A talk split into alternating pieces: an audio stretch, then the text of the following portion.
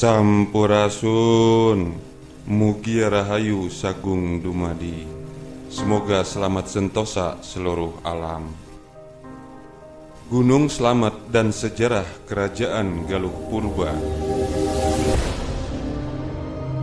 Asal mula Galuh Konon kabar kata Galuh berasal dari kata Galuh atau inti. Menurut Yosef, dari pengertian tersebut timbul pergeseran kata menjadi hati sebagai inti dari manusia. Dalam pengertian lain, kata galuh disejajarkan dengan gali, kata halus dari beli atau beli. Namun menurut Purbacaraka, mengartikan galuh sebagai permata. Lain halnya menurut Van der Mulen, galuh sama artinya dengan yang dipahami dalam bahasa Tagalog yakni air. Galuh berasal dari kata sakalo atau sagaluh. Gunung Selamat merupakan gunung api tertinggi kedua di Pulau Jawa dan terbesar di Jawa Tengah. Gunung ini berada di daerah perbatasan lima wilayah terdiri dari Kabupaten Brebes, Banyumas, Purbalingga, Kabupaten Tegal, dan Kabupaten Pemalang, Provinsi Jawa Tengah. Berdasarkan catatan sejarawan Belanda Van der Mullen, pada abad pertama Masehi terbentuklah kerajaan Galuh Purba di Gunung Selamat Inilah kerajaan pertama dan terbesar di Jawa Tengah.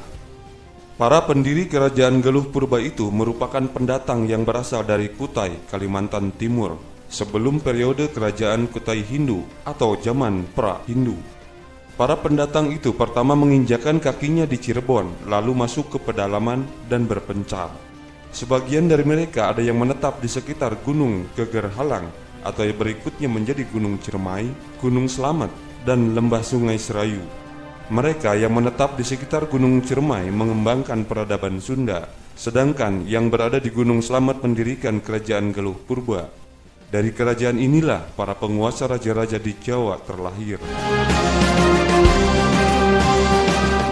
Kerajaan Galuh Purba bertahan hingga abad ke-6 Masehi dengan wilayah kekuasaan yang meliputi daerah Indramayu, Cirebon, Brebes, Tegal, Pemalang, Bumiayu, Banyumas, Cilacap, Purbalingga, Banjarnegara, Kebumen, Kedu, Kulon Progo, dan Purwodadi.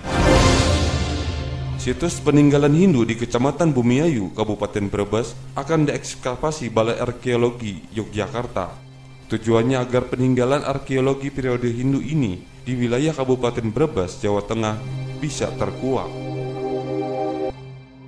Sejarawan Brebes Wijanarto mengatakan dengan kajian dan ekskavasi dari Balai Arkeologi Yogyakarta akan membuktikan keterpengaruhan Kerajaan Galuh yang terletak di Sunda atau di Jawa Barat dengan wilayah di sekitarnya yang mencapai Banyumas dan Brebes.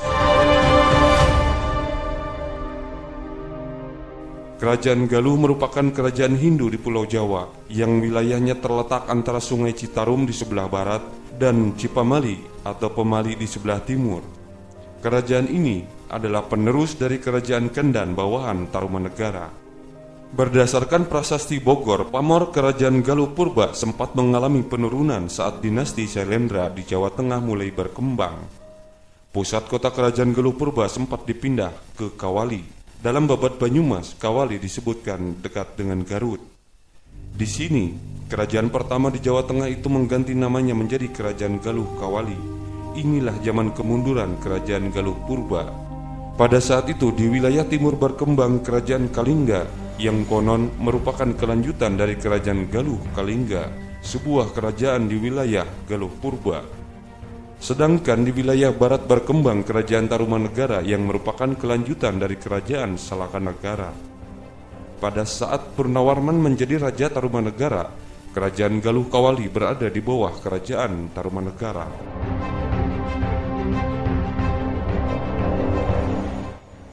Masa kejayaan Galuh Purba mulai beranjak naik saat Tarumanegara diperintah oleh Raja Chandrawarman. Saat itu kerajaan bawahan Tarumanegara mendapatkan kekuasaannya kembali termasuk Galuh Kawali.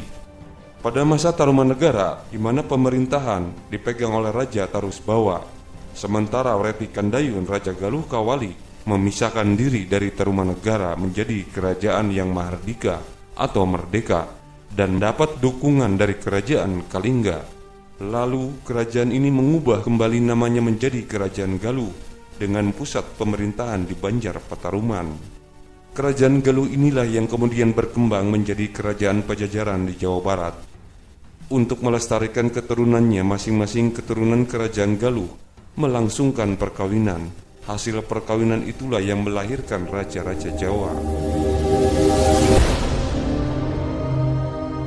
Jejak kebesaran kerajaan Galuh ini bisa dilihat dari kajian E.M. Ohlenberg tahun 1964 dalam bukunya A Critical Survey of Studies on Language of Java and Madura yang menyatakan bahasa keturunan Galuh Purba termasuk dalam rumpun bahasa Jawa bagian kulon atau bahasa Jawa Ngapak.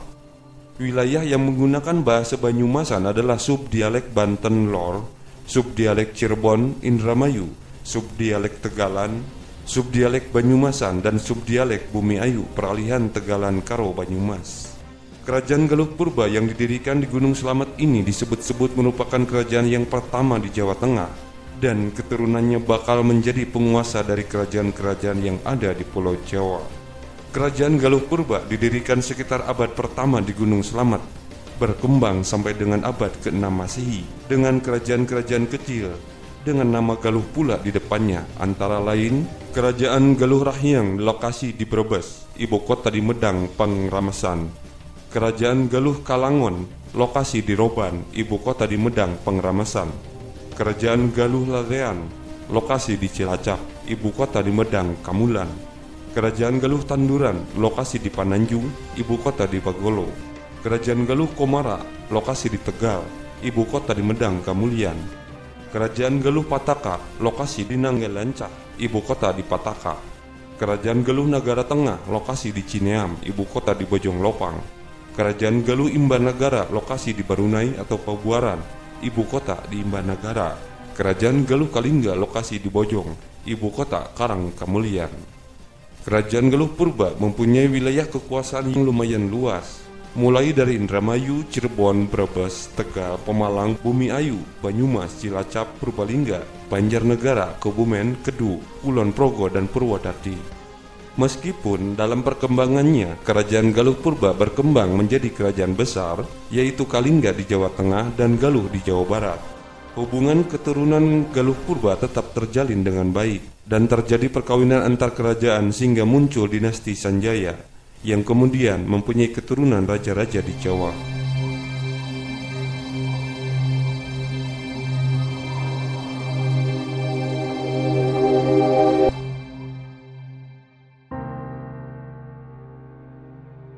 Bila kita lihat dari sejarah tersebut, diperoleh informasi bahwa perkembangan peradaban Banyumasan sudah berkembang sedemikian jauh sebelum masa-masa kerajaan Majapahit.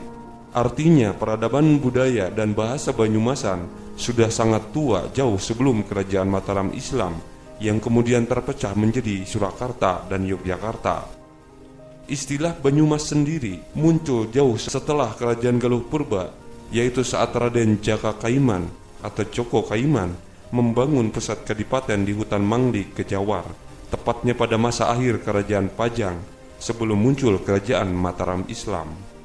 Menurut laporan yang ditulis oleh tim peneliti sejarah Galuh tahun 1972, kerajaan Galuh Purba dibangun oleh Ratu Galuh. Disebutkan bahwa kemungkinan nama kerajaan tersebut adalah Kerajaan Galuh Sindula. Ada pula naskah yang memberi nama Kerajaan Bojong Galuh dengan ibu kotanya di Gili antara abad pertama hingga ke-6 Masehi. Kerajaan Galuh Purba tersebut berkembang, namun belum memiliki catatan sejarah yang jelas antara abad pertama hingga ke-6 Masehi tersebut banyak kerajaan yang menggunakan nama Galuh. Ada tiga wangsa dinasti yang berkembang yaitu Wangsa Kalingga, Wangsa Sanjaya, dan Wangsa Sailendra. Menurut catatan buku yang ditulis oleh Friend Gesich Denis Van Java tahun 1919, yang artinya kerajaan Galuh Kalingga yang sebelumnya sebagai bawahan kerajaan Galuh Purba berubah menjadi kerajaan yang berkembang setelah memisahkan diri dari kerajaan Galuh Purba dan berdiri sendiri menjadi kerajaan Kalingga. Sampai sekarang banyak tempat di daerah tersebut yang menggunakan nama Galuh, di antaranya Raja Galuh yaitu Majalengka dan daerah Cirebon, Galuh Purbalingga, Galuh Timur Bumi Ayu, Sirah Galuh Cilacap, Begaluh Laksono, Sami Galuh Purworejo Kedu, Si Galuh di Purwodadi, Menurut sejauhan Pandalmulen, diduga keras bahwa semua tempat tersebut dulunya wilayah yang dikuasai oleh kerajaan Galuh Purba. Dengan demikian muncul pertanyaan, apakah kerajaan Galuh saat itu berbahasa Jawa Ngapak, atau Sunda Ngapak, atau Sunda Reang, atau Jawa Reang? Muncul analisis dari penulis bahwasannya bahasa-bahasa yang digunakan dalam bahasa Ngapak Banyumasan termasuk bahasa Cirebonan dan Indramayu adalah bahasa asli Kerajaan Galuh. Bagaimana menurut pendapat Anda? Cak.